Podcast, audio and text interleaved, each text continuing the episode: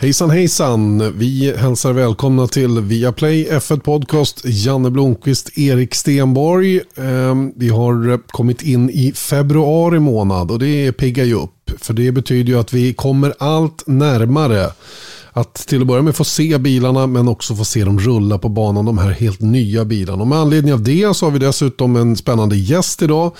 Han heter Christian Arnell. Han jobbade på Red Bull Racing mellan 2011 och 2016. Han ska få berätta sin story om hur den tiden var. Dessutom får du en uh, liten sammanfattning också från helgens Daytona 24 timmars. Vi fick tag i Marcus Eriksson i Miami där han uh, hade sovit länge kan jag säga efter en, eh, sin debut i 24 timmars sammanhang, Erik. Mm. Det var ju eh, ett klassiskt eh, Daytona 24 timmars. Det är ju lite konstigt med de där 24 timmars racen att det är sättet som USA eller IMSA sätter ihop dem är ju att det var det är en transportsträcka fram till sista timmen ungefär. Och, men jösses vilken sista timme det blev ändå. Verkligen. Ja, mer om det lite senare i den här podden. Eh, på F1-fronten eh, händer inte så här fantastiskt mycket. Det är fortfarande huvudet ner nu på alla fabriker. Nu är det, det är kanske den tuffaste perioden på hela året skulle jag gissa. Den som är just nu. Eller vad tror du?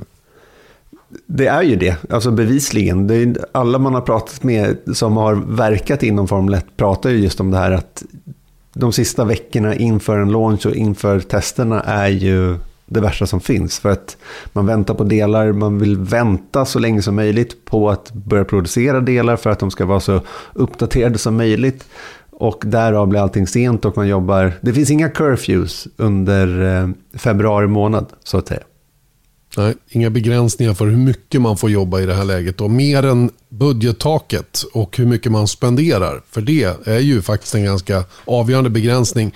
Eh, du har ju suttit och kollat på den här McLaren-videon nu som sägs visa då den här nya, väldigt speciella främre hjulupphängningen. Och eh, du har väl detaljerat eh, analyserat och kommit fram till att du inte ser ett förbannade skit. Ja, det, det, det, har ju nämligen kommit ut då, att, och sen, det har kommit ut analyser då på, och, och det här säger väl någonting om nyhetsläget just nu, är att nästan alla sajter och alla man känner då så här, försöker analysera den här hjulupphängningen som skulle vara banbrytande. Eller inte banbrytande, de har bara ändrat koncept från pushrod till pullrod och hit och dit. Eh, men, men, det roliga är då att så här, man kan skymta den här hjulupphängningen i ett klipp, en enminutsklipp som kommer från McLaren eh, här, här i dagarna. Och jag har tittat på det här klippet. Och det är till och med så här, de skriver ju att så här, när Zac Brown står och filmar så panorerar kameran och då kan man skymta främ hjulupphängningen. Och jag har, sett den, jag har sett den där äh, filmen fem gånger. Jag ser inte någon jäkla hjulupphängning Nej. överhuvudtaget. Nej. Så att det, du tittar på fel ställe. Ja, men jag vet ju inte ens... Nej, exakt. Jag måste titta på fel ställe fast jag försöker titta på rätt ställe och jag ser den ändå ja. inte. Det är lite töntigt men det är ju lite, det är lite kul också samtidigt. Jag, vad jag har förstått dock så är det ju så att ju, eh, fjädring och, och, och sådana saker går ju åt det mer konventionella hållet. Från att ha varit lite annorlunda de, de senaste åren nu med de här lite större hjulen då som, som eh, påverkar just den, hur man designar de bitarna. Då. Jag kan överhuvudtaget inte gå in på eh, vad den förändringen består av. Men jag har läst mig till att det, det ska gå åt någonting som man har använt sig av, lite mer beprövad teknik som funnits sedan tidigare. Mm. Men, men eh, låt oss eh, bortse från bilarna än så länge. Det var alltså McLarens Fire-Up-video, det är den du pratar om. Exakt. Mm. Det finns Och Fire-Up, det har vi förklarat. Nej, motorn gick i alla fall. Så mycket kunde ja. vi komma fram till. Ja, men det är bra. Och, och, vi har ju förklarat vad de här fire-ups är för någonting då. Det är ju ett sätt för teamet då att det är ganska viktigt ändå, även om det har blivit en PR-grej också, att få igång grejerna och testa systemen och se till att allting funkar precis som det ska. Ehm, ja, i övrigt så är det så sagt inte. Jag såg att James Wowles, eh, chefsstrategen hos Mercedes, ska göra inhopp i American Le Mans Series. Han ska göra det med en släkting till eh, Pastor Maldonado. Vi hoppas han kommer hel och hållen från det där äventyret. Han ska köra en McLaren, lite spännande nog, mm. i Asian Le Mans Series. Så det, det, är väl det är i och för sig en frän bil. Det är det verkligen. Det såg vi några stycken av i, i, ehm, i helgen då på Daytona. Men det finns några andra grejer också. Det, det vi kan konstatera är ju att det är första februari när vi spelar in det här. Eh, vi är alltså bara nio dagar bort från att få se den första 2022-bilen. I varje fall en renderad bild på den. Jag skulle gissa det eftersom först ut är ju Aston Martin med sin AMR 22. Den ska de launcha 10 februari och det, ryktena som är där, jag, jag tror i och för sig att det gäller de allra flesta, att de är sena med bygget av designen och bygget av bilen. Och då är ändå Aston Martin först då i, i launchmässigt. Det säger ju någonting om att den bilen vi kommer få se där den 10 februari är sannolikt inte en riktig bil. Ingen fysisk? I, nej. In the flesh nej. and blood. Kan du inte ge oss datumen? Så att vi har jo. koll på när, när bilarna visas. De som vi har fått be besked om. Aston Martin 10 februari som sagt. Eh, därefter följer McLaren med sin MCL 36 11 februari, dagen efter alltså. Sen får vi vänta i tre dagar till innan Alfa Tauri släpper sin AT03 14 eh, februari då. Ferrari därefter, eh, ingen specifikation på bilen eller modellbeteckning, men de släpper den den 17 februari. Dagen efter det, den 18 februari, så kommer Mercedes med sin W13. Och dagen innan det första testet, den 23 februari, eh, så släpper Alpin sin A522 den 22 februari. Då. Så vi väntar fortfarande på datum från Red Bull, Williams och Alfa Romeo och Haas. Däremot så har vi mm. modellbeteckningarna på dem. Men det är väl inte speciellt jätteintressant. Det kommer man lära sig längs vägens gång så att säga. Och av de, av de team som återstår tror jag Red Bull kanske gör någon grej av det. De övriga tre kommer att rulla ut sin bil i, någonstans. Ta några bilder, kanske i Barcelona under den här eh, icke-testen. Det är ju ingen test har det visat sig. Det är ju en shakedown. Mm. man kommer fram till ingen officiellt, inget officiellt event. Och därav så tillåter man ingen publik. Eh, man kommer inte att göra, och, det, och eh, många är besvikna givetvis, att de, för jag vet att det var många som hade köpt flygbiljetter och, och kanske på inrådan av mig för att jag trodde mm. att det var en officiell test, vilket det också kommunicerades som från början. Eh, men jag kan bara beklaga det. det är ju, jag tycker det är dumt rent av. Men jag förstår också varför. För jag tror att det handlar om att teamen inte vill ha den här påpassade situationen där Barcelona-banan har massa gäster som köper biljetter och går igenom depån hela den. De behöver ha en, en, en hospitality mm, beredskap som de inte är intresserade av. De vill kunna köra lite rough in the edges eh, och därav är det här alltså en shakedown. Bara kanske med en lastbil och tält typ. Förstår ni vad jag menar? Det, Men, det, är, alltså... det är så lite och nerskalat som det bara går och en, en funktionstest helt enkelt av de här nya bilarna. Jag tycker det låter idiotiskt dumt. Jag menar, hur stor skillnad kan det göra? Jag menar, de kommer ändå behöva en hospitality i sig själva eh, och ge deras stackars mekaniker som kommer jobba 24 timmar om dygnet, lite mat och, och, och, och varm dryck om det snöar. Så att, eh, jag vet inte vad, vad det är. Jag tror att min känsla, det här har jag ingen belägg för egentligen, men det är, det är på något sätt att det ska bli att man försöker skydda sig själv på något vis. Och det tycker jag är så här med publik på plats, kom igen. Jag menar, media är fortfarande där, men kommer fortfarande mm. se massor av bilder jag, menar, jag ser mm. inte poängen i att man inte ska kunna släppa in lite publik. Eller så kan det vara en eftergift till Bahrain som kanske hade köpt och få vara de som skulle få visa upp de här nya bilarna första gången. Jag, jag har lite oklart, eh, oklar anledning också till hur man agerar. Men jag bara gissade det här att, att de mm nu kan de bara komma dit. De har inga krav att synas eller se ut på ett visst sätt. Kanske inte de att bilarna synas på behöver... tv för folk kommer gå runt där ja. och fotar dem och, och filmar dem i alla mm. fall. Så att jag menar, jag, mm. ja, inte vet jag. Det finns säkert en bättre anledning än den vi hittat på här. Men, men jag kan inte förstå den. Nej, så är det med den saken i alla fall. Så ni som hade köpt biljetter till testen i Barcelona, ni får eh, njuta av den här fantastiska staden som Barcelona i alla fall. Eh, man kan ju säkerligen åka ut och försöka klättra upp på något staket för att få någon glimt av bilarna. Men in på själva banområdet kommer man alltså inte i samband med de här första tre dagarna. Sen är det ju då en, eh, vad är det, en två veckor eller någonting emellan då innan de ska testa igen och det gör de ju då alltså i Bahrain och då kommer den att tv-sändas på F1 TV Pro. Så de som, har, eh, de som använder sig av den tjänsten också kan alltså se, eller köper eh, en månad bara så kan man ju se bilarna under den testen. Då. Det brukar jag göra. Det, det kan hända att jag har gjort, kört den taktiken också. En månads F1 TV Pro. Ja, men det räcker ju för, för mm. det man behöver just då. Eh, hur som helst, jag tycker det är en skitbra tjänst, ärligt talat, F1 TV Pro. Det är verkligen ingen dålig streamingtjänst. Den är ju inte... Jag menar, den, den har ju ett mervärde för de som är riktigt, riktigt intresserade. Absolut. Så att, eh, det, men man måste Men ha både det, det, det är bara Viaplay skit. och Det är bara F1 TV skit, Pro. säger jag. Ja, det är bara skit. För att väga upp lite. Okej. det är bra. Okej, ehm, det om detta. Ska vi inte bara hoppa rakt in i våra spännande gäst, Erik? Då säger vi välkommen till Christian Arnell, där du har en LinkedIn där man kan läsa att du var mellan december 2011 och augusti 2016, alltså fyra år och nio månader, en Aerodynamics Design Engineer på Red Bull Racing. Vad innebär det? Hallå, tack. Eh, ja, det innebär eh, att vara en del av Aero, Aerodesign-teamet och utveckla designen på eh, Formel 1-bilen som eh, eh, då under den tiden var RB8 och framåt. Eh, arbeta tillsammans med Model Makers som var med och producerade artiklarna, parterna som skulle på och testas på vindtunnelmodellen då, som är eh, en 60-procentig världens dyraste leksaksbil kan man säga. Ehm, som, eh, ja, större delen av mitt arbete är, hemligt, var hemligt. Ingen eh, kan riktigt se det, vad jag har gjort där, med, mer än att jag kan eh, prata om det så här.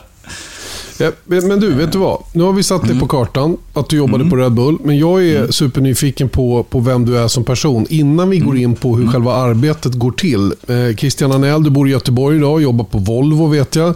Eh, men, men hur började allting? Jo, eh, motorsportintresset har alltid varit där från, eh, från grunden. Eh, växte upp, såklart titta på Kenny Bräck, Rickard Rudell, såklart Schumacher i F1, eh, den stora, stora stjärnan. Ehm, men sen blev det som så att, ja, jag är mer mot det tekniska intresset om man säger och eh, studerade på Chalmers. Där fanns möjligheten att eh, ta ett, vara med i ett projekt som heter Formula Student. Ehm, och det innebär bland annat att man eh, ja, bygger en liten racebil från scratch, en eh, Yamaha R6-motor. Ehm, drev, drev våran bil ehm, och eh, sen tävlar mot, jag tror det var 80 andra universitet på Silverstone. Vi gjorde bra ifrån oss. Vårt mål var topp 5. Vi kom på en fjärde plats och eh, fick mer smak. Det var lite stiltje på arbetsmarknaden här i Sverige när jag tog examen kan man säga och eh, jag valde att ja, höja blicken mot England och eh, Formel 1 på den tiden. Eh, många team expanderade. Eh, Red Bull var ett av dem eh, som jag hade intervju med och det var de som eh, ja, vi klaffade bäst om man säger. Det, det kändes bra. Det blev de som, som erbjöd mig jobb och eh, ja, resten är historia. Hade, hade du då pluggat aerodynamik? Var det det som var ditt specialämne så att säga i, Nej, på universitetet? i- Det jag pluggade var produktutveckling, teknisk design och eh, mitt, ja, säga, mitt eh, område jag hade i Formula studentprojektet var just eh, karossen, exteriören och också eh, förarmiljön. Så vi var tre personer som arbetade med det och teamet var 30 personer som eh, konstruerade och eh, gjorde allt då från scratch. Ehm, så att eh, egentligen lite kunskap om aerodynamik men långt ifrån alltså en aerodynamiker och jag var inte aerodynamiker där utan jag var konstruktör på aerodynamikavdelningen kan man säga. Men det är lite intressant det där när du, när du nämner Formula Student. För det där har man hört genom åren, titt som tätt. Men det är inte helt ovanligt att folk tar klivet ifrån det projektet som jag förstår är en helt europeisk eh, projekt, va? Eller är det över Det, hela ja, världen? Existerar faktiskt över eh, hela världen nästan. Så att eh, även på, eh, på Silverstone kom det folk, eller universitet från USA, Australien och även Asien. Ehm, och ja, bland annat på Red Bull, det var två andra svenskar, en dansk, alla de tre då från, från Chalmers som hade tagit klivet direkt, om man säger, från universitetet till, eh, till Red Bull och, och Formel 1. Och det finns säkert flera, flera personer som har gjort liknande. Men det är de jag känner till och som jag då arbetade med. Alla vi var på aerodynamikavdelningen men hade lite olika arbetsuppgifter. Är du en die hard liksom Formel 1-fan? Eller var till det och från. Eh, jag, kanske inte så eh, die hard liksom och inte... Eh, jag tror inte det var... Alla där på Red Bull, visst vi, vi levde för Formel 1 och så men det fanns också en, en sida där man kopplar ifrån allting också om man säger. Det, men det finns såklart, det fanns de som till och med reste runt för egen kosing för att se race liksom och, och även andra junior-race och, och, så. Men intresset såklart har funnits där, men det har också varit till och från genom åren, om man säger. Ska vi landa lite grann i, i, i vad du gjorde då? Eh, och jag är mm. nyfiken på, kanske mer generellt eh, mm. än vad du gjorde specifikt, eh, hur processen att få till en Formel 1-bil ser ut. Mm. Vi har ju ett nytt reglemente som kommer i år till exempel och det innebär ju enorma utmaningar för en sån avdelning som du jobbade på. Precis. Eh, och även just där då, tiden om man säger, nu blir ju reglementet annorlunda med eh, vindtunneltestning, hur många tester man får köra per vecka.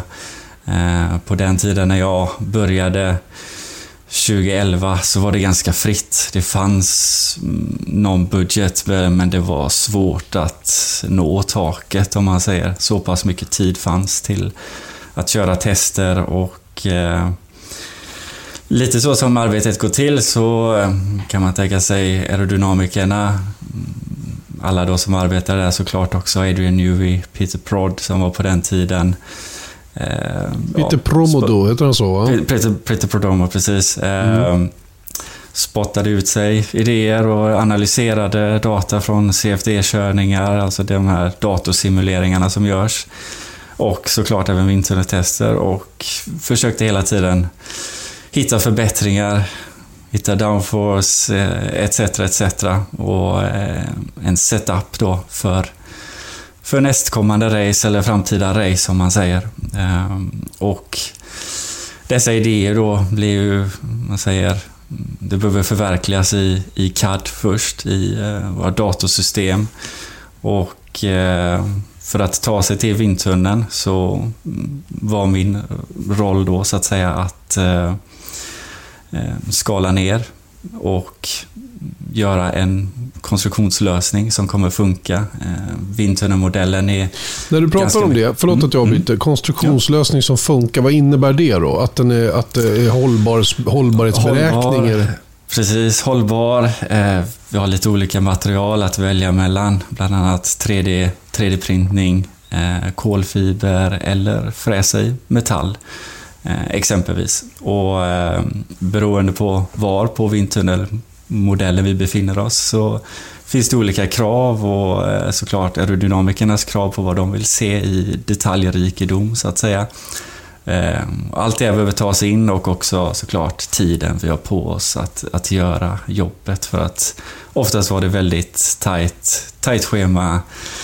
Eh, det ska gå snabbt och det som jag tror gjorde oss bra på den tiden var att vi kunde ta en idé från aerodynamikerna, det stadiet vindtunneltestning och mot fullskala racebilutveckling och sen ha, den på, ha lösningen på, på racebilen till ett race inom väldigt kort tid.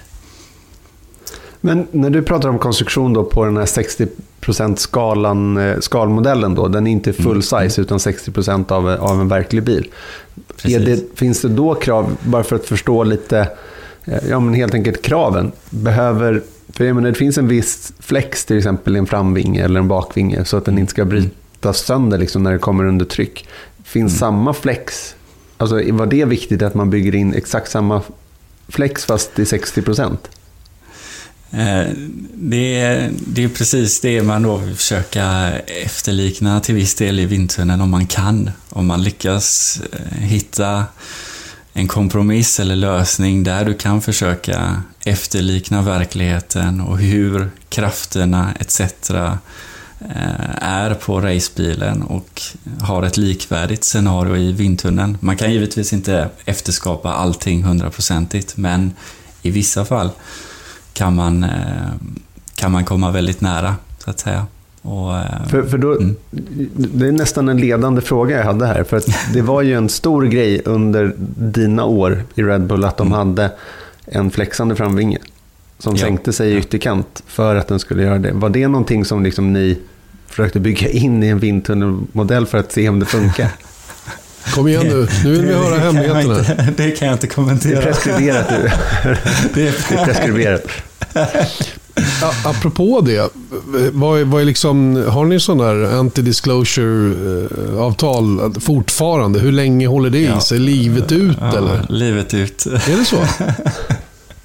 så to the grave skriver man i blod. Ja, man... exakt, exakt. En sån tjock bunt eh, papper. Okej. Okay. Nej, men eh, ja, till viss del. Alltså, det finns saker som vi kan prata om, men inte allt såklart. Och, eh, mycket av det som hände i vindtunneln såklart, det, det var många projekt som var, som hem, var hemliga, som aldrig såg dagens ljus ens på, på racebilen. Och, eh, det gjorde det också väldigt intressant för, som, som konstruktör, att du kan vara med och testa sådana här saker och, och eh, ja, tänja på gränserna. Men, men, om vi målar in din funktion då, så var den mot, var den mot 60%-modellen eller var det mot den riktiga ja. racebilen?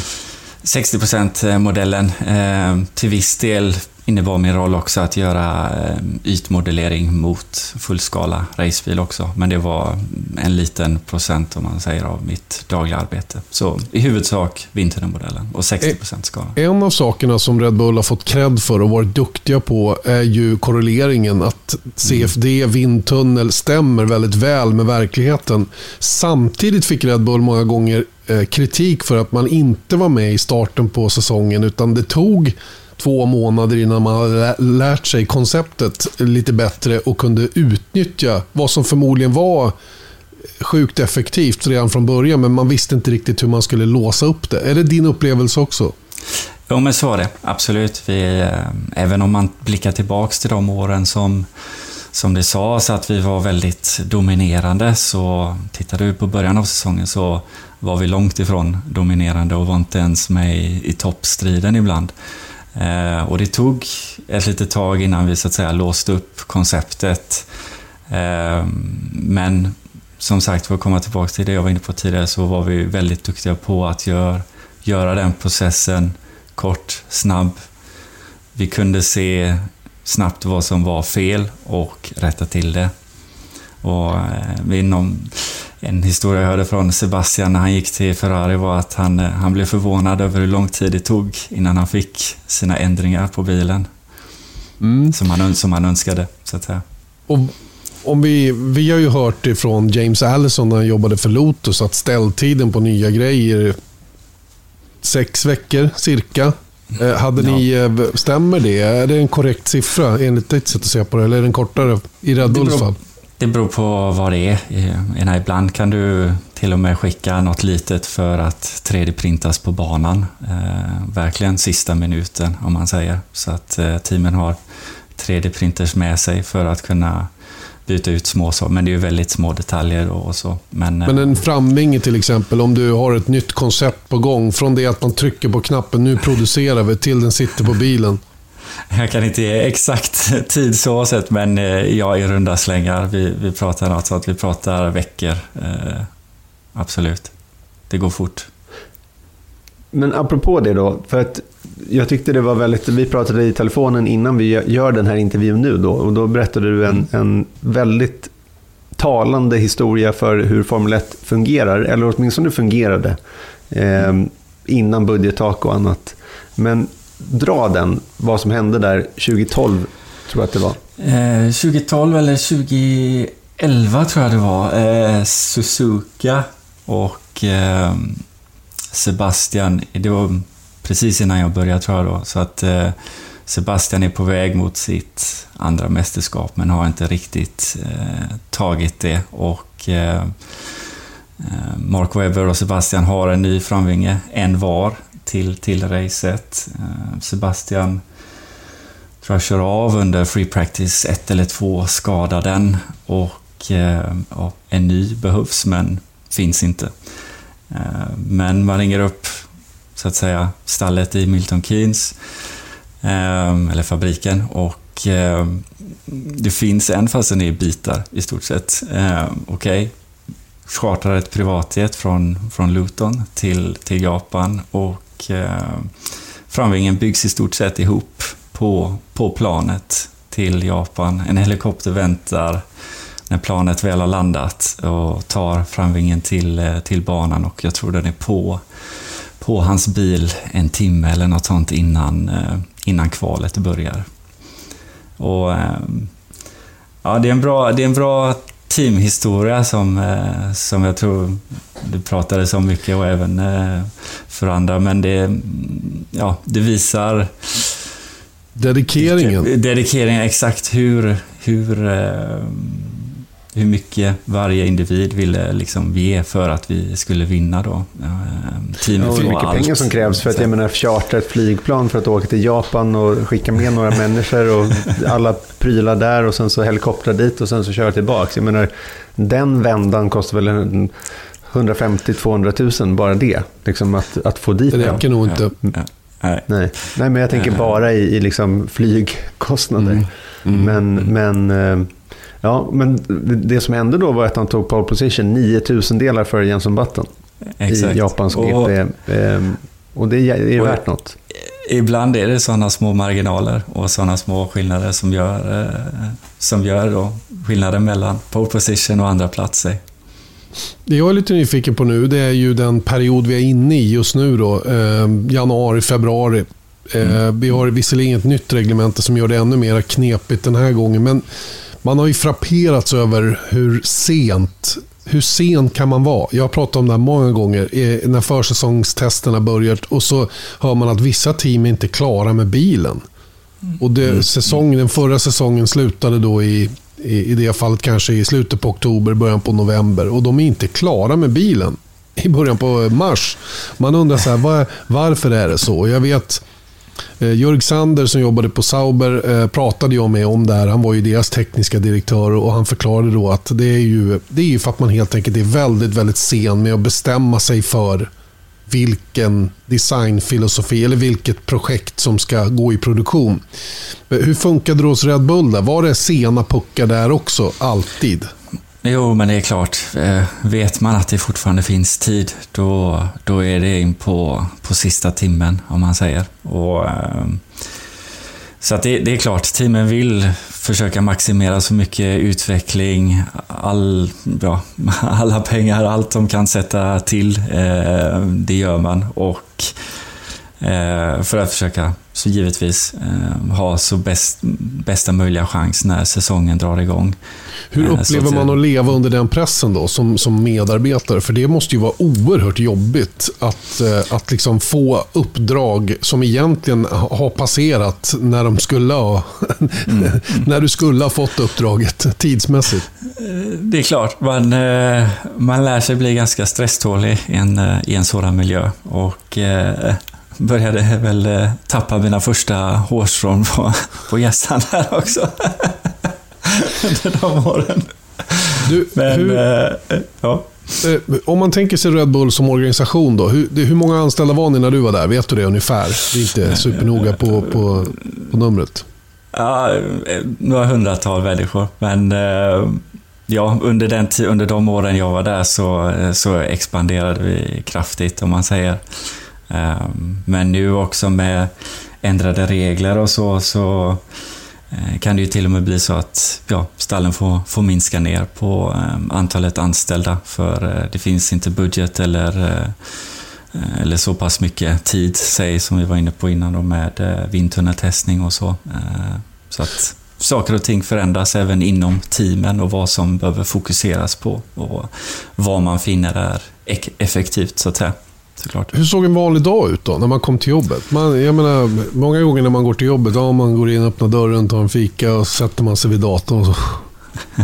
Oj, oj, vad ska jag göra idag? Åh, vad tråkigt det här är. Vad är liksom, det är jag lite spänd på också. Infann sig det? Vad fanns det rutin i ditt jobb också? Jo, men det, det gjorde det såklart. Det var inte varje dag som var hyperstress, utan eh, det fanns såklart en rutin och det, det är väl det som man blir... Man finner sig i. Det, det finns ändå en vardag där och det finns gå till jobbet, gör det man ska, gå hem. Så att säga. Mm. Så det, det, är ändå, det är ändå ett vanligt jobb också, om man säger. Eh, men såklart, vi jobbade på med korta leveranstider. Eh, för min del relativt eh, små projekt kanske och det var inte alltid eh, så mycket tid som, som avsattes till, till förändringar och olika eh, aerodynamiska koncept som skulle testas. Eh, det gick snabbt och ja, ena veckan har du ett projekt Nästa vecka så är det i vindtunneln och testas och resultaten är inne tillbaka hos aerodynamikern. Så att det var väldigt snabb ruljans.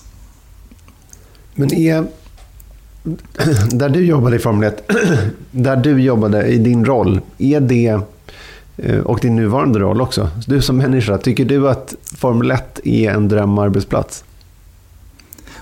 Att det är en, en, en bra arbetsplats? hörde inte riktigt. Ja, men är, är, det, är Formel 1 en drömarbetsplats?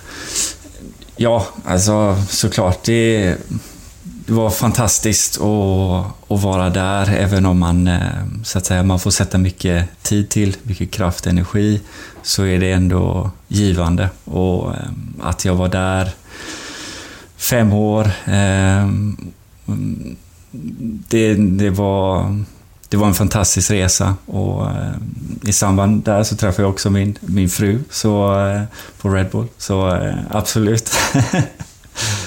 det var fantastiskt.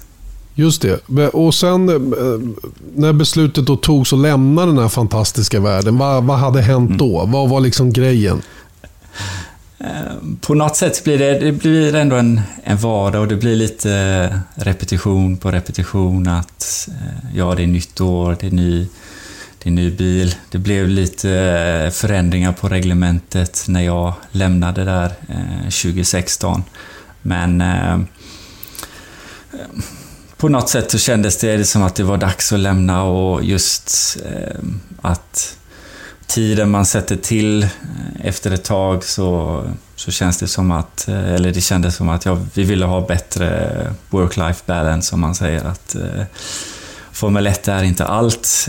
Det har aldrig varit allt för mig heller, men det, är, det har varit ett jättestort intresse, är fortfarande ett stort intresse om man säger. Vi, vi följer Formel 1 varje race. Eh, jag och frugan är hemma och eh, var till och med på BB med vår nyfödde son i somras och eh, drog upp paddan för att se Frankrikes Grand Prix. Bra, bra. Mycket bra. Det, det, det tyder på viss dedikering också, det får man ju alltid säga. Prioriteringar också, tycker jag. Exakt. Ja, absolut. Eh, på anekdotsidan då, eh, så har du ju då passerat en del grejer. 11 till 16, det är fem år. Fyra år och nio månader så Erik, tror jag. Eh, vad, har du något starkt minne, förutom den här vingen som byggdes ihop då på väg till Japan? Några andra så här märkliga händelser som, som du liksom tänker att fasen, det här är verkligen Formel 1 i ett nötskal? Uh, ja, det finns väl en hel del. Jag menar, det var... Uh att komma in som, som, som svensk på, eh, på Red Bull där och man kände sig ganska liten som eh, nyutexad såklart. Eh, jag kommer ihåg min första julfesterna var alltid en stor grej på Red Bull. Det var, det var liksom ja, pompa och ståt, allt all in. Eh, jag tror de hade hyrt Silverstone Wing, var nybyggd då vid den tiden och vi var där. Och helt plötsligt under festen så, så ska alla gå ut på, på den här balkongen, eller vad man ska säga, på, på baksidan där eh, med utsikt över depån om jag minns rätt. Mm. Eller baksidan. Och eh, där då så har, eh, har man byggt upp eh, ramper för Red Bull X-Fighters, eh, alltså motocrossgänget. Som, FMX-killarna ja. Mm. Precis, kör och hoppar och är på samma nivå som en själv då, två, tre våningar upp och i stort sett vinkar till en. Och då, det var lite såhär, ja. Oj, de här har lite resurser. Vart har jag kommit?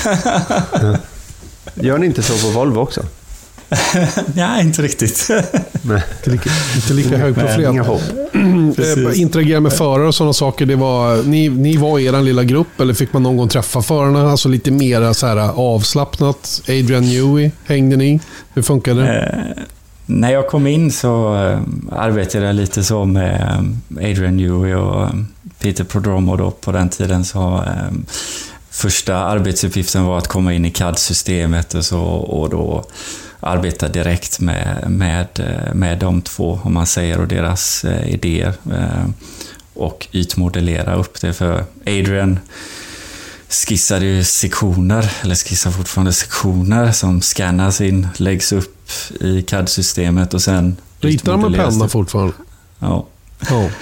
ja, jag, jag, jag har ju varit in i hans arbetsrum så jag vet hur det ser ut, men det är ju länge sedan. Så att jag menar, ja. Men det är så alltså? Ja, och eh, Pretty Prodromo drog upp lite kurvor och sen skickades det ut och så, eh, så ytmodellerade jag och eh, mina kollegor då upp det och sen gick det vidare till, eh, säg, vindtunnel eller CFD-beräkningar. Men eh, så att visst, det var lite så här, det var bland mina första arbetsuppgifter att börja med det för att också lära mig CAD-systemet. Men såklart, det lite så ögonblick av ja, starstruck att okej, okay, eh, vad händer här? Ja, men Adrian Newey är lite som, han är ju Schumacher för sådana som dig, om man säger. Precis, precis. Och, eh, absolut, så det var stort. Men eh, förarmässigt så, så hade inte jag så mycket eh, interaktion med dem. Det var med min fru som eh, arbetade på marknadsföring som hade det. Eh, och eh, ja, var med Max Pierre när de, när de kom upp ur Eh, de mindre serierna och speciellt på Toro Rosso-tiden då. Men eh, alltid när det var sådana här signeringar, förare kom in eh, vid jul eller ja, efter, eh, efter säsongen var över. Eh, och jag har något minne av Daniel Ricciardo, Daniel Kvyat. Det var två dårar och speciellt de två tillsammans. Det, Vad crazy. Det tog, det tog, fem minuter, sen ballade det ur och så var de uppe och dansade på borden i stort sett. Och, eh, marknadsföringsteamet försökte lugna ner dem och få dem att sätta sig ner igen. Och nu, nu har vi ändå lite folk här som eh, vill ha eh, saker signerade, sig kepsar etc. Va? Så kom igen nu killar. Fascinerande äh, värld är det ju eh, mm. definitivt. Christian Anell alltså, tidigare anställd på Red Bull mellan åren 11 till 16. Och eh, 16 då var ju som sagt sista året för den smalare bilen. Sen blev den ju då väldigt mycket bredare då och lagom till dess då så, så lämnade du teamet. Eh, och ehm, eh, återigen då, eh, hemligheter runt omkring. Det finns det ju säkert saker som du naturligtvis inte då får eller kan avslöja runt omkring det där. Men finns det någonstans i din sinnevärld att återvända till den här världen?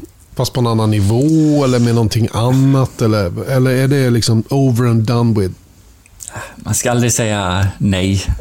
Liksom, saker och ting kan alltid förändras i, eh, i livet eller vad man eh, får för sig att få för mål eller att göra härnäst. Men eh, eh på sätt och vis så känner jag känner mig ganska nöjd med, med tiden där och, och det, det kommer vara svårt att också återskapa den kanske. Vi var ett jäkla gott gäng under den tiden, under de åren. Eh, så, det, så till den grad att det kändes som en familj, om man säger. Och, eh, på något sätt så vet man att den tiden kommer aldrig komma tillbaka heller till så som det var. Så eh, det känns, känns lugnt att ha lämnat det bakom sig och ha det som ett avslutat kapitel om det nu skulle vara så.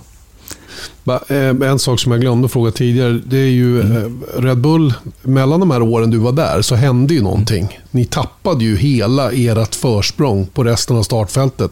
11, 12, 13 var ni ju überstarka och, och vann. Mm. Mm. Sen kom vi till 14, ni fick en Renault-motor som knappt gick. Ja. Eh, ställdes stora krav på, på bildesignen med den här mycket längre motorn och alla de här bitarna. Hur var det på Red Bull då? För då måste du ändå ha mörknat lite på horisonten. Ja, och vi, vi visste väl att det skulle, det skulle komma till ett slut för eh, att köpa in motorerna då som vi gjorde av Renault.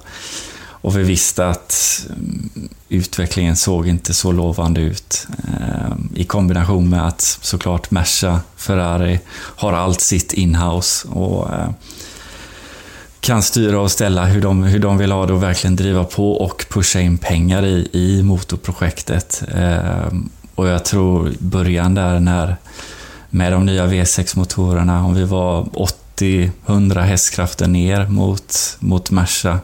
När de gick? Precis, när de ens gick, exakt, och inte brann. Ehm, och då känns det ganska lönlöst om man säger. Det spelar ingen roll att vi hittar lite aerogains eller så här och var. Ehm, det var lönlöst om man säger. Så, mm. Det gick liksom inte att kompensera bort 100 hästkrafter med att bygga en, en, mer slimmad bil. Och det där präglade ju Red Bull under ganska lång tid och det gör ju att mm. jag blir lite imponerad av hur långt de har kommit nu. Exakt. Sett Sista till hur djup säsong. svacka de faktiskt var i där.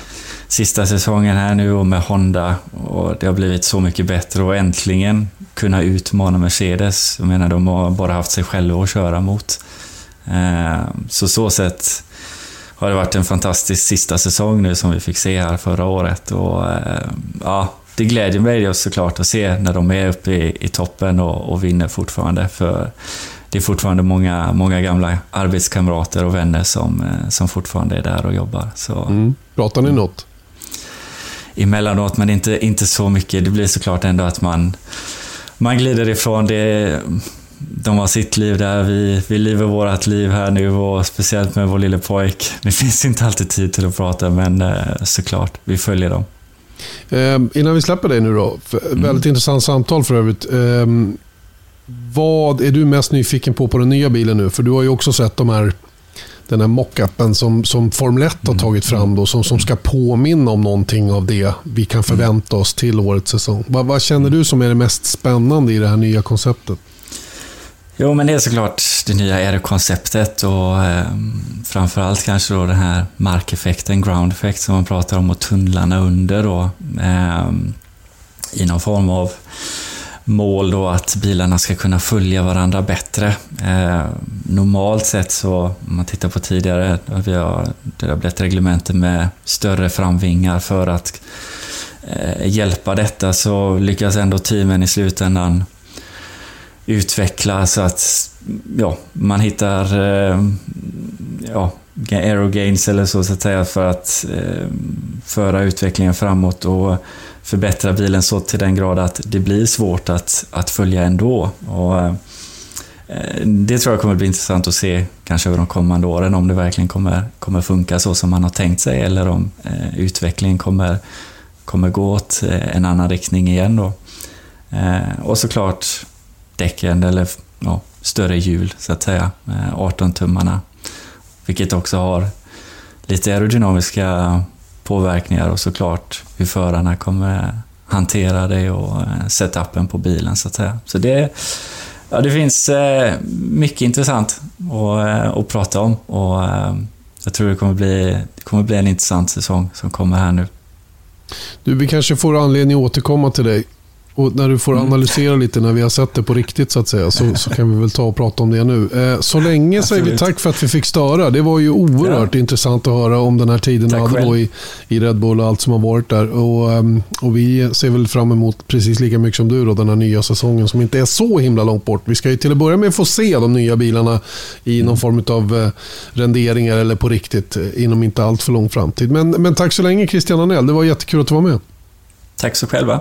Apropå det här med, med eh, aerodynamik och eh, då, då hamnar man ju här i looken på de här bilarna. Vi har pratat om det flera gånger tidigare, att hur stor skillnad kommer det vara mellan Aston Martins bil och Ferraris bil till exempel.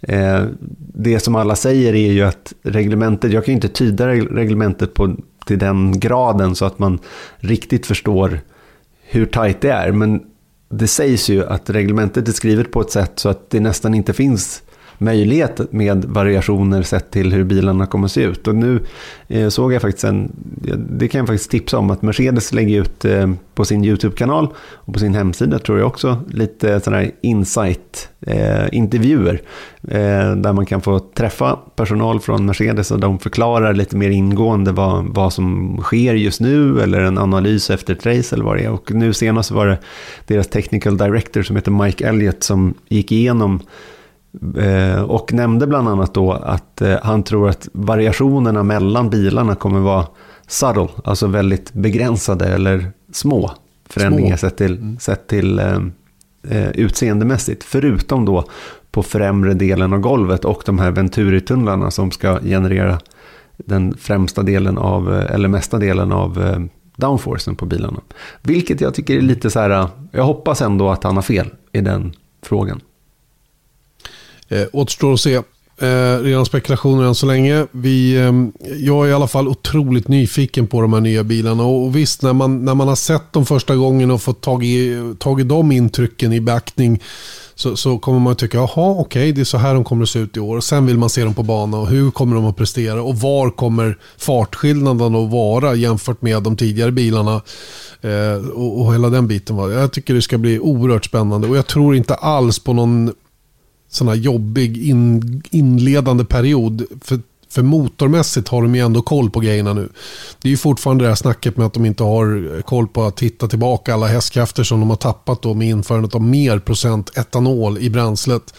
Eh, där eh, siffrorna varierar lite grann. Jag läste nu senast att Honda menar på att de andra, Ferrari, eh, Alpin och, och Mercedes, eh, maskar lite grann och, och, är säkerligen i samma situation som de själva. Då. Honda mer ärliga menar de då med att de har problem med att hitta tillbaka till den gamla effekten så att säga.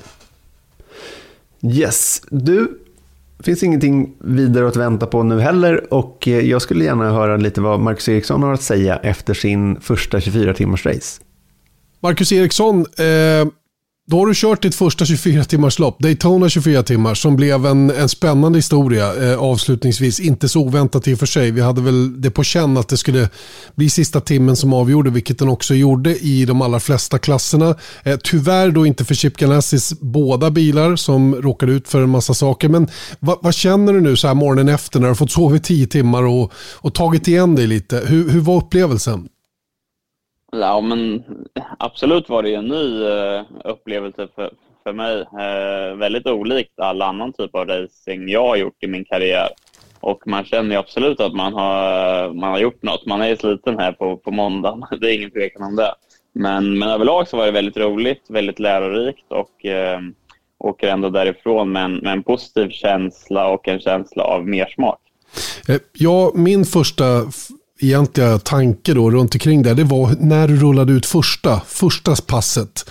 Eh, mycket strul när du väl kom ut, det blev några gulflagg, du kom liksom inte in i det på en gång och sen drog det igång. Hur var det mitt i all den här trafiken? Ja, men det var tufft för att eh, som du sa, jag kom ut där som direkt på mitt utfall tror jag så blev det en stor krasch där och gul flagg och safety car. Så var det väl eh, första eh, timme nästan var det, fram, var det mest bara safety car för mig. Och sen var det, blev det omstart och har inte kört egentligen några varv och så omstart och sen direkt in i det. Så det var väl ja, en tuff start på, på mitt race. Eh, och överlag så var väl jag rätt så missnöjd med mina första två stintar. Eh, inte för att det gick superdåligt, men jag tyckte bara att jag hade svårt att komma in i det och just det här med trafiken och hitta ett bra flyt i det. Jag tyckte det kändes ja, det kändes inte som att jag liksom fick det att klicka. Men sen, eh, sen sista stinten jag var i tredje gången så, så verkligen kändes det som att det började, ja, jag började bli varm i kläderna och då tycker jag det gick också väldigt, väldigt bra. Eh, och sen har vi då den här faktorn som, som eh, vi alla när vi tittade på väderprognosen förstod skulle bli eh, rätt intressant ändå, nämligen att temperaturen skulle sjunka ner mot nollan, till och med under noll. Eh, och, och, beskriv lite grann när du var inne där mitt i natten och, och det var svinkallt ute, hur det kändes. Ja, men det var jättesvårt att köra. Framförallt första utvarvet och första varvet när man kom till depån på kalla däck var ju extremt svårkört. Det var ju som att köra på is i stort sett. Och innan man började få upp någorlunda temperatur i däcken så var det ju väldigt, väldigt tufft för alla. Och det var ju en hel del som var banan där på, på utvarven och incidenter och så vidare. Så nej, det, det var väldigt svårt. Och sen när det är mörkt också så blir det ju eh, en till eh, aspekt till, till, det hela. Så nej, det var verkligen en, en utmaning, men, eh, men också väldigt roligt tycker jag. Mm. Eh, du var inte undantagen då, incidenter, du hade en liten snurrning på väg ut och jag, jag kan tänka mig, det var någon som beskrev det, jag, jag minns inte vem det var nu, men det, det är som att köra på regn och kanske ännu värre. jag skulle säga ännu värre. Eh, just utvarvet är ju av sämre grepp än när det är regn och regndäck. Så det är ju extremt halt. Och som du sa, jag hade en incident där när jag skulle ut på min andra stint när eh, kom ut där på iskalla däck och försökte, försökte på sätt, något sätt få, få upp temperaturen i dem. Och så kom ju 31-bilen där förbi mig och jag försökte hålla åt så mycket jag kunde men det, ja, det gick inte att styra, styra mm. bilen helt enkelt. Men som tur var så var det ju inte så allvarligt utan vi, vi båda snurrade av. Jag fick en drive-through som jag tyckte var hårt dömt men var ju kvar på ledarvarvet vilket var, var huvudsaken. Eh, vi hade ju pratat om det du och jag innan racet att det är ju lite grann av en transportsträcka de här 23 timmarna fram till det att det ska avgöras. Eh, var det din känsla också då mitt i natten där att du, du kände ingen större press att ni skulle tappa något? Det, det handlade om att vara kvar på banan, göra sina stint, eh, försöka att hålla nere stinttiden så mycket som det gick. Men bara slappna av, försöka komma in i trafikkörningen. Jo, men det var väl inställningen. Men sen som alltid, man är ju tävlingsmänniska, så när man är där ute så vill man ju, man vill ju vara snabbare än de andra konkurrenterna och liksom, det är det som, man, man får ju liksom direkt förlodad tand. Så för mig så blev det ju så att man, man, man blev ju taggad och som sagt, jag var rätt så besviken efter mina första två eh, gånger i bilen. För jag tyckte inte att jag kom in i det. Jag tyckte jag var för långsam i, i just trafik och så vidare. Men, men stor, i stora hela så var det ändå en, en jag hade hela tiden med mig i bakhuvudet att inte ta några onödiga risker utan se till att jag alltid lämnade över bilen i bra skick till mina teamkamrater eh, just på grund av att det är på slutet det avgörs och det är då vi måste vara där. Hur pratade ni sinsemellan? Hur upplevde ni bilen? Kom den och gick balansmässigt eller var den ungefär lika för alla hela tiden? Nej, men jag tycker vi hade en rätt så bra balans i bilen hela tiden. Eh, det blev lite mer understyrt på natten när det var väldigt kallt. Eh, det var lite svårare att få fram däcken att fungera eh, och ha dem i fönstret. Men sen så fort solen kom fram så tycker jag vår balans i bilen var väldigt bra. Då. Så, så jag tror alla vi fyra förare i 02-bilen i alla fall var väldigt nöjda med, med just bilen och kände oss konkurrenskraftiga. Och det visade sig att det gick att åka väldigt fort. Det slogs ju eh, varvrekord mest till hela tiden här och, det slutade med att Alex Palou tror jag i 01 var den som var allra snabbast.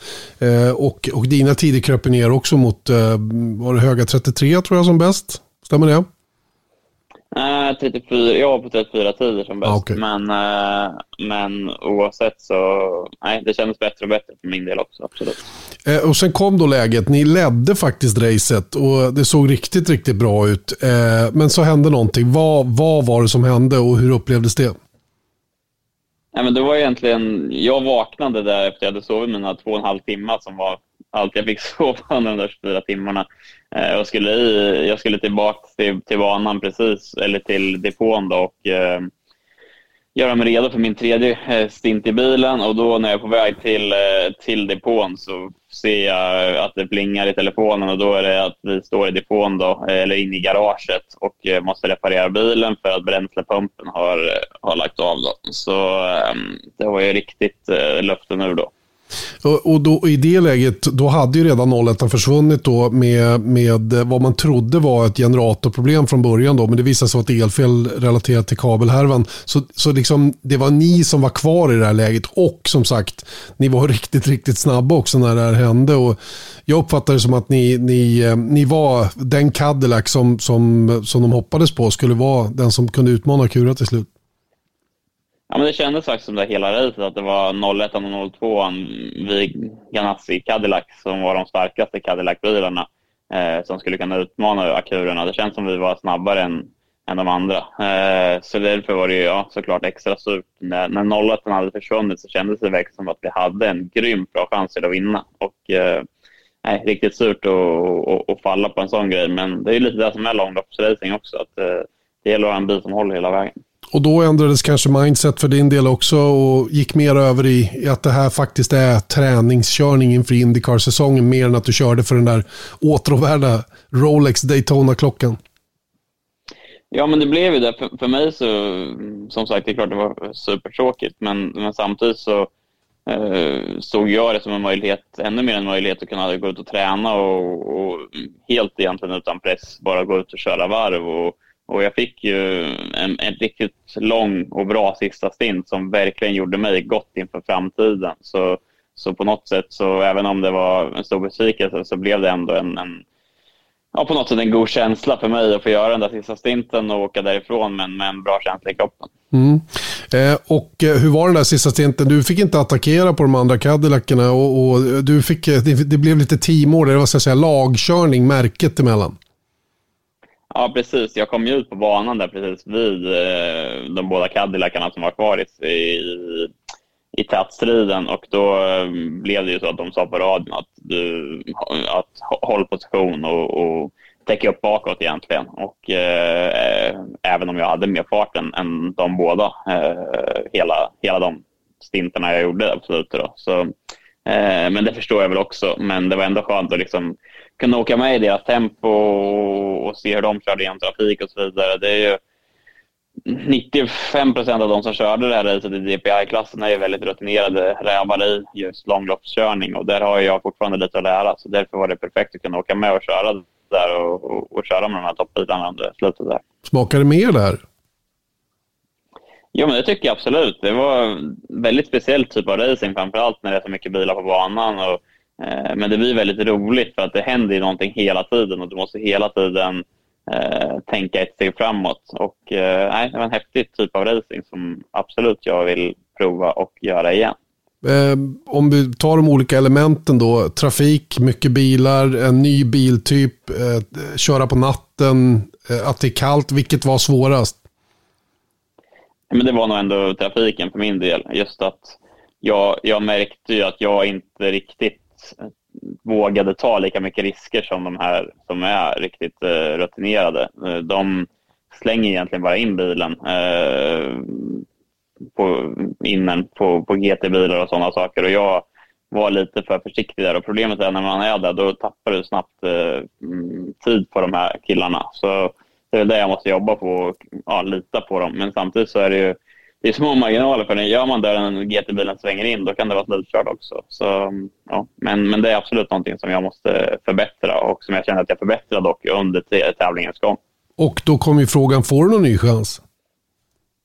Ja, men jag hoppas ju att få en ny chans, absolut. Nu vet jag inte hur det ser ut under säsongen, utan eh, nu känner jag, eller nu är ju full fokus på Indycar-säsongen för min del. Men skulle de fråga skulle jag absolut tacka ja. Och framförallt så vill jag ju komma tillbaka till Daytona nästa år och, och försöka eh, konkurrera om den där klockan till, eh, till nästa säsong istället. Du kan förstå Kevin Magnussons önskan att komma tillbaka tills han har fått den där runt handleden. Ja, men exakt. Jag, jag fattar vad han menar. Mm.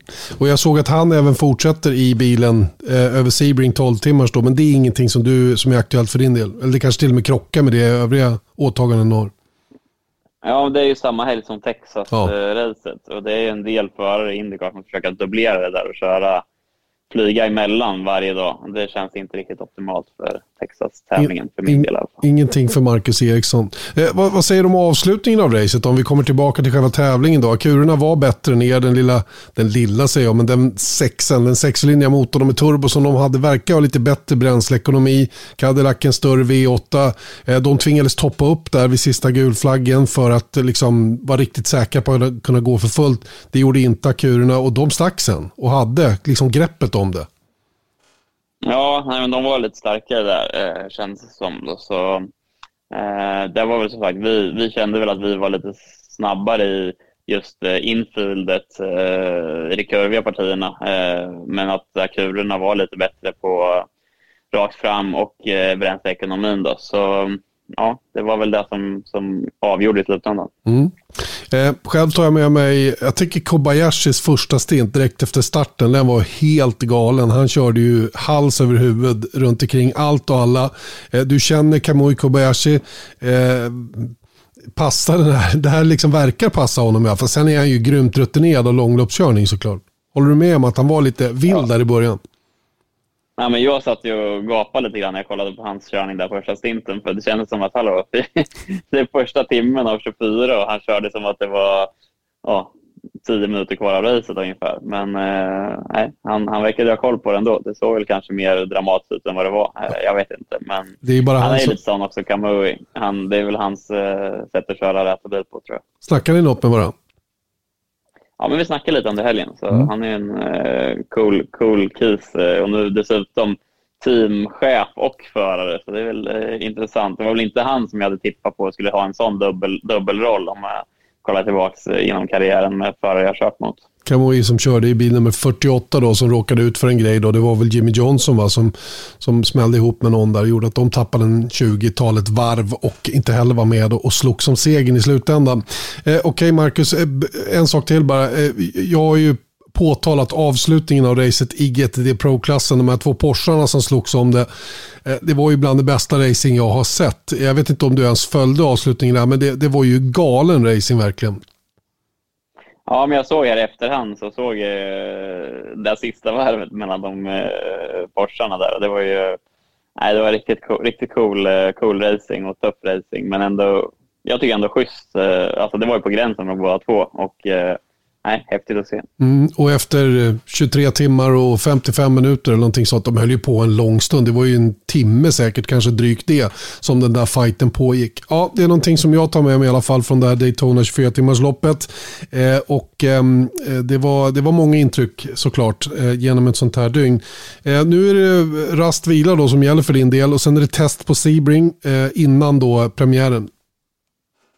Precis, och vi kör eh, vår första och enda testdag innan säsongsstart eh, på Sebring den 14 februari och sen eh, bär det av då till, till Florida och St. Pete sista helgen i februari. Så nej, riktigt, riktigt roligt att det ska dra igång nu. Jag är superladdad ja, inte så himla långt kvar nu innan de sparkar igång även Indycar-säsongen. Du sa tidigare att vi är framme vid första februari. Det innebär ju då att vi är eh, tre veckor ifrån Indycar-premiär.